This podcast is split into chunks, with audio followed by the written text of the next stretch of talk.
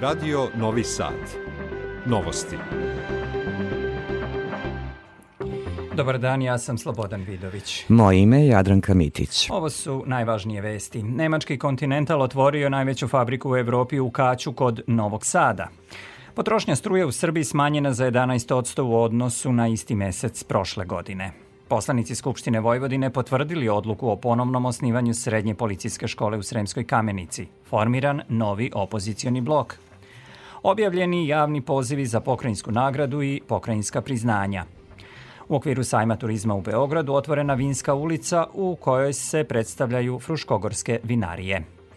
Vreme sutra slično današnjem, temperatura do 17 stepeni. Meteorolozi za nedelju najavljuju sneg. Sada je u Novom Sadu 15 stepeni.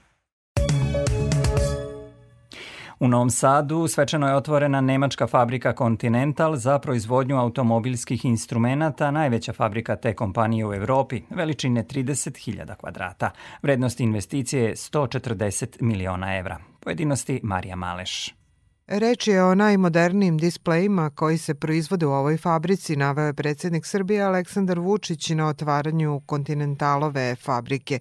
Kako je rekao, kompanija će uložiti još 150 miliona evra u fabriku u Novom Sadu, a najveći deo pogona biće otvoren do kraja 2024. godine. Ovde u Novom Sadu se pravi istorija. Transformacija kompletne automobilske industrije pravi se u našem Novom Sadu, u našoj Srbiji. Ovo je za nas ogroman uspeh. Ovo je za nas 22. vek.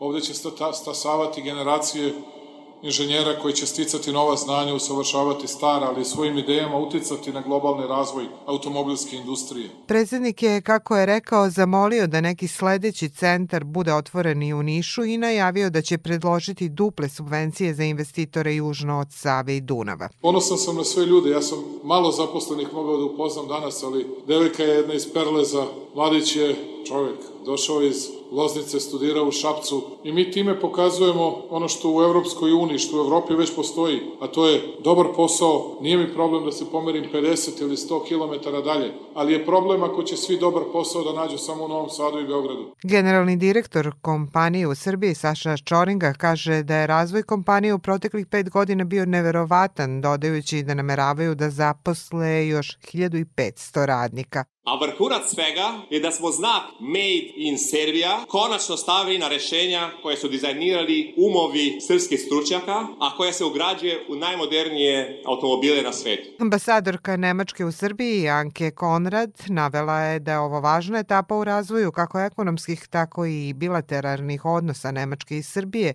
i naglasila da je Nemačka najveći investitor u našoj zemlji.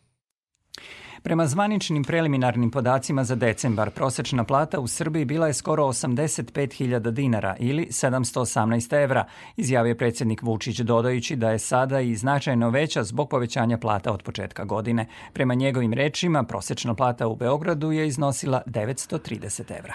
Vučić kaže da je dobra vest to što je u Novom Sadu plata porasla oko 109% u odnosu na pre 10 godina, odnosno sa 420 na 877 evra. Rekao je da su značajno porasle plate i u centralnoj Srbiji, ali i da nije onako kako bismo želeli. Vučić je napomenuo da se od jutru razgovara kako dodatno da podignemo podršku i u infrastrukturi i subvencijama i svemu drugom, kao i za kapitalno intenzivne tehnološki napredne projekte. Čak 44% domaćinstava u Srbiji u januaru je ostvarilo popust za racionalnu potrošnju električne energije, čime je potrošnja struje u zemlji smanjena za 11% u odnosu na isti mesec prošle godine. Kako je saopštilo Ministarstvo rudarstva i energetike, takav popust u januaru je ostvario 1.380.000 domaćinstava. Najveće uštede električne energije ostvarene su u Beogradu, Nišu, Smederevu, Subotici, Novom Sadu, Kragujevcu, Zrenjaninu i Sremskoj Mitrovici navodi se u saopštenju. Ministar odbrane Miloš Vučević je rekao da su samo prvog dana za jednu jedinicu imali nekoliko stotina upita povodom konkursa za specijalne jedinice Vojske Srbije. On je podsjetio da konkurs traje do 31. marta i pozvao sve momke i devojke starosti do 30 godina da se prijave i testiraju sebe. Govoreći o sajmu naoružanja u Abu Dabiju, Vučević je za RTS rekao da će Vojska Srbije biti dodatno osnažena dronovima kamikazama koje ćemo kupiti od jedne firme iz Ujedinjenih Arapskih Emirata, što je dogovoreno na tom sajmu. Vučević, koji je sa predsednikom Aleksandrom Vučićem bio na najvećem sajmu naoružanja u svetu, rekao je da su u Abu Dabiju dogovorena dodatna izdvajanja za Vojsku Srbije i namensku industriju. Policija u Pirotu uhapsila je osam osoba zbog sumnje da su počinile krivično delo nedozvoljen prelaz državne granice i krijumčarenje ljudi. Za jednom osobom se traga. Sumnja se da su prošle godine prevozili nelegalne migrante od Dimitrovgrada do Pirota i Niša za novčanu naknadu. Policija je za vreme pretresa od osumnjičenih oduzela novac, mobilne telefone i tri autobusa korišćena za činjenje krivičnog dela. Ovo su novosti prvog programa radija Radio Televizije Vojvodine. Poslanici Skupštine Vojvodine usvojili su na 21. sednici odluke koje se odnose na izbor generalnog sekretara, reorganizovanje Zavoda za urbanizam Vojvodine, broj javnih srednjih škola i saobraćenu infrastrukturu. Formiran je i novi opozicioni blok u Pokrajinskoj skupštini koji čini osam poslanika. Pojedinosti Milijana Kočić. Predsednik Skupštine Ištvan Pastor obavestio je poslanike na početku sednice da je formirana nova poslanička grupa Nada POX Novi DSS. Njen predsednik profesor dr. Koran Ivančević ističe da je formirana radi pokrajinskih i lokalnih izbora naredne godine, a pre svega zbog neslaganja s vlašću oko francusko-nemačkog plana za Kosovo i Metohiju. Mi smatramo da je on duboko suprotstavljen srpskim državnim i nacionalnim interesima. Liga socijaldemokrata Vojvodine predložila je da se u dnevni red sednice uvrsti deklaracija o osudi agresije na Ukrajinu, ali je taj predlog odbijen zbog nedovoljnog broja poslanika u grupi. Srpska radikalna stranka protestovala je što nije uvršten predlog o promeni statuta Univerzitetskog kliničkog centra Vojvodine, iako je za to dobijena saglasnost Ministarstva zdravlja. Prema rečima radikala Đurađa Jakšića, odluka je hitna jer je KCV promenio naziv, a nije ni registrovan u Agenciji za privredne registre, te pravno ne postoji. To svojevrsno bestežinsko stanje i pravni nered u najvažnijoj zdravstvenoj ustanovi u autonomnoj pokrajini Vojvodini bi na taj način bio rešen. Druga stvar, usvajanjem novog statuta konačno bi se stekli uslovi da se sprovede javni konkurs za izbor novog direktora Univerzitetskog kliničkog centra Vojvodine. Predsednik Skupštine Ištvan Pastor najavio je da će o tome biti reči na nekoj od narednih sednica. Na njegov predlog novi generalni sekretar Skupštine biće Sandra Stojković, dosadašnji pomoćnik sekretara. Poslanici su usvojili odluku o istupanju opštine Irig kao suosnivača Zavod za urbanizam Vojvodine, kako bi svoj turistički i privredni razvoj ona nastavila udruživanjem sa opštinom Ruma. Vojvodina je bogatija za jednu srednju školu, pošto je usvojena odluka o osnivanju srednje škole MUPA u Sremskoj kamenici, koja će ove godine upisati 210 polaznika. Usvojena je i izmena prostornog plana područja posebne namene mreže koridora na pravcu državnog puta 24, Subotica Zrenjanin Kovin. Tom odlukom promenjeni su kategorije i granice tog državnog puta, čime se menjaju i planski akti koji se odnose na deonicu između Subotice i Sente. Svet Rusija pojačava napade na frontu godinu dana nakon početka invazije sa namerom da iscrpi ukrajinske snage, navode u Kijevu, dodajući da se najžešće borbe i dalje vode oko istočnog grada Bahmuta.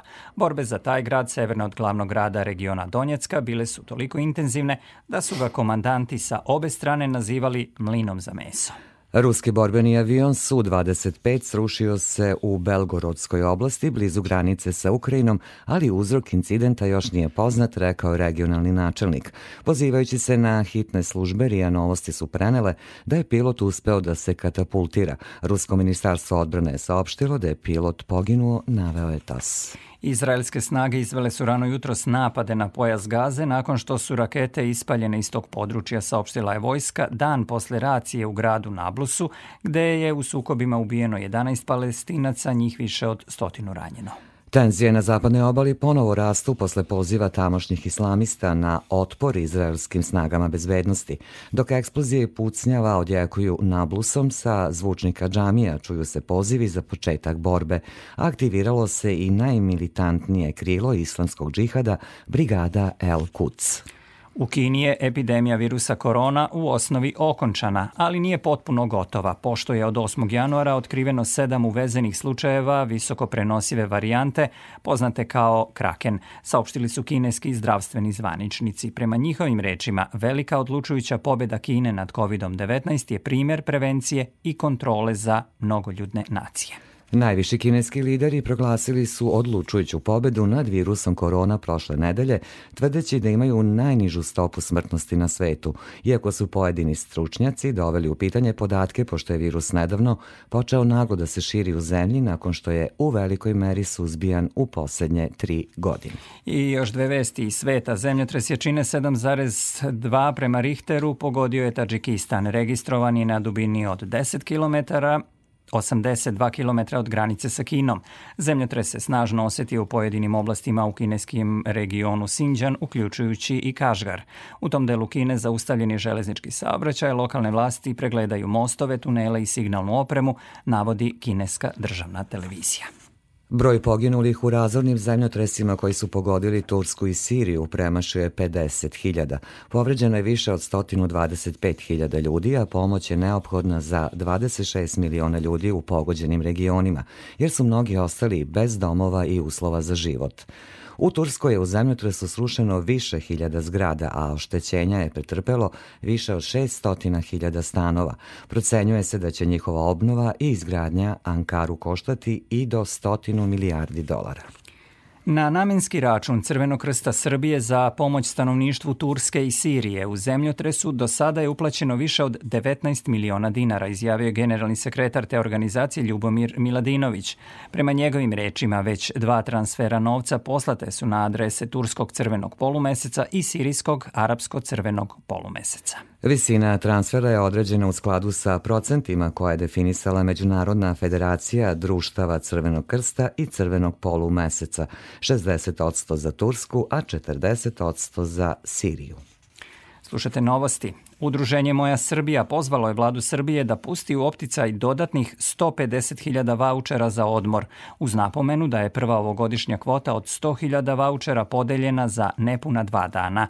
U pozivu se ističe da mnogi građani zbog novogodišnjih praznika i kratkog roka nisu imali mogućnost da pribave potrebnu dokumentaciju. Kao i ranije, građani su se i ove godine najviše interesovali za planine i banje, pa je tako najveći broj vaučere iz prve ture odobrene početkom godine otišao u Sokobanju na Zlatibor i u Vrnjačku banju. Vaučeri će moći da se koriste isključivo za plaćanje usluge smeštaja, a pokrivaće deo troškova do 5000 dinara, navelo je udruženje.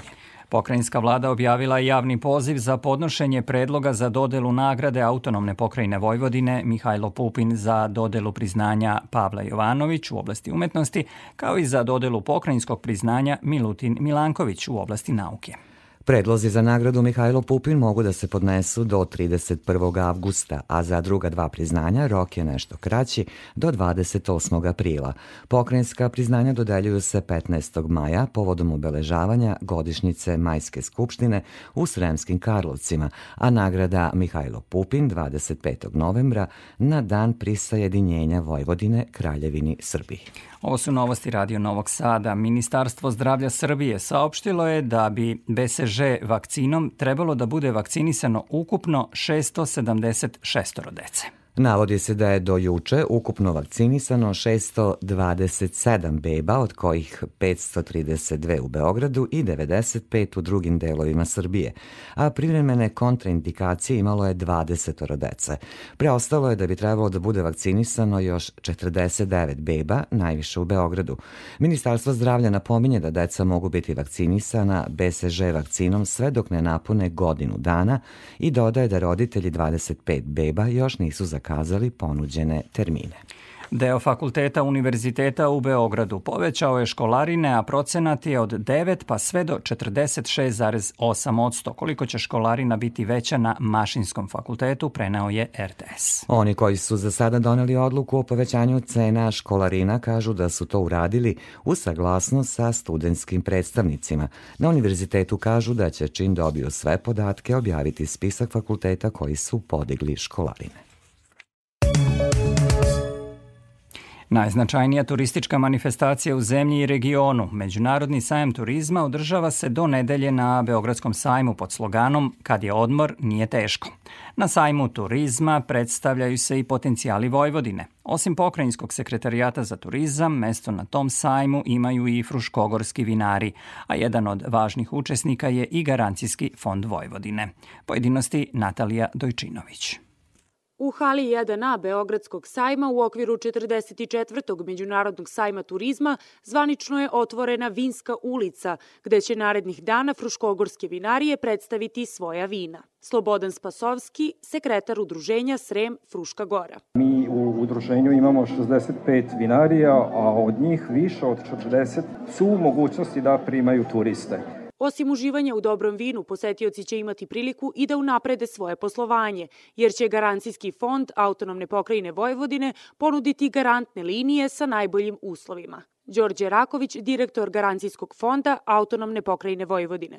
U ovom vremenu kada i poljoprivrednici to znaju, kada kamate drastično skaču, mislim da je Garancijski fond jedan, jedna institucija koja, eto, ljudi u Vojvodini, kaže, imaju tu sreću da je jedina takva institucija u Srbiji da im obezbedi bolje uslove i mislim da to treba pogotovo sad u periodu koji dolazi da iskoriste. Osim najboljih fruškogorskih vina, biće predstavljeni i proizvodi sa oznakom najbolje iz Vojvodine. Pokrinjski sekretar za turizam u prvi plan stavlja i kampanju od klasike do magije, koja je bazirana na kulturno-verskom turizmu, gastronomiji i vinskoj ponudi Vojvodine. Nenad Ivanišević, pokrinjski sekretar za privredu i turizam. Pićete odlično vino, ješite odličnu hranu, družit ćete se sa divnim ljudima i poželit ćete da se vratite. I mislim da smo u tome uspeli, rezultati pokazuju za prošlu godinu da su nam se ljudi vratili i došli neki novi. Narednih dana biće održani brojni bilateralni sastanci na Međunarodnom sajmu turizma, što nagoveštava uspešnu turističku godinu koja predstoji. U bioskopu Arena Cineplex i ove godine novosadska publika će moći da prati deo programa Međunarodnog filmskog festivala Fest, najavili su organizatori. Od subote do 5. marta biće premijerno prikazano 17 ostvarenja iz Italije, Francuske, Južne Koreje, Amerike, Velike Britanije i drugih zemalja. Festival će otvoriti jedan od najvećih favorita za osvajanje Oscara za najbolji dokumentarni film Sva lepota i krvoproliće nagrađen Zlatnim lavom na Venecijanskom festivalu. To je tek drugi dokumentarac ovenčan najvećim priznanjem u istoriji Mostre. A predstava Antigona Lepo je kad padneš na Mekano u režiji Romana Nikolića premijerno će biti prikazana u utorak u Novosadskom pozorištu. Predstava postavlja pitanje individualne odgovornosti za sobstveni život i život nacije, ali i pitanje spremnosti da se žrtvuje čak i sobstveno postojanje zbog žudnje za pravdom. O predstavi govori dramatuškinja Dorotea Šušak. Pravo i pravda naprosto nisu istoznačnice, nisu sinonimi. Kao takvi bavimo se tom odgovornošću za zajednicu u tom smislu i naša Antigona svakako je nadilazi pojam žrtve, nadilazi pojam viktimizacije i autoviktimizacije i ne libimo se postaviti sva ona pitanja koja propitkuju taj odnos žrtve i progonitelja, zločinca ili vršitelja agresije u odnosu na onog koji tu agresiju trpi. U novostima stigo smo i do informacija iz sporta. U revanšu 16. finala Lige konferencija futbaleri Partizana od 18.45 dočekuju šerif. Partizan ima prednost od 1-0 iz prvog susreta koji je odigran pre 7 dana u Moldaviji. Utakmicama 25. kola nastavlja se takmičenje u Euroligi. Košarkaši Partizana od 21 čas u Štark areni dočekuju turski Fenerbahče, dok prethodno igraju Maccabi Bayern, Olimpija Milano Panathinaikos i Real Madrid Žalgiris. Košarkaši Crvene zvezde meč igraju sutra protiv Albe u Beogradu.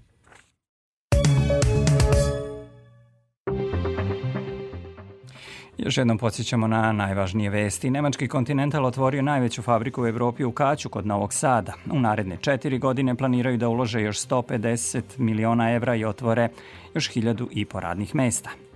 Potrošnja struje u Srbiji smanjena za 11% u odnosu na isti mesec prošle godine.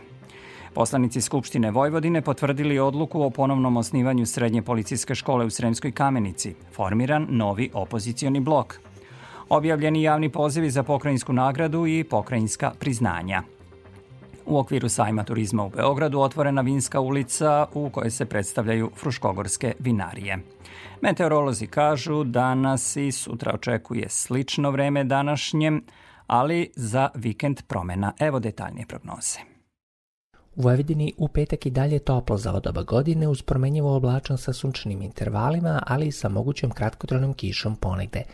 Minimalna temperatura od 4 do 8, a maksimalno od 15 do 17 stepeni. Uveče je moguća kiša na istoku Banata koja odlazi ka Rumuniji.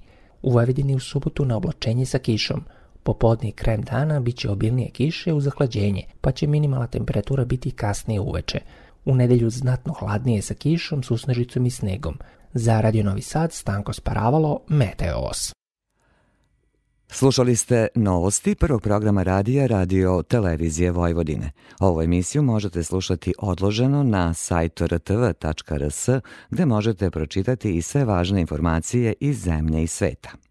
Emisiju tonski realizovao Novak Vasiljević, producent Branislava Stefanović. Pred mikrofonom bili Slobodan Vidović i Jadranka Mitić. Posle Radio Sporta i Vesti u 16 možete slušati reprizu emisije U dobrom društvu.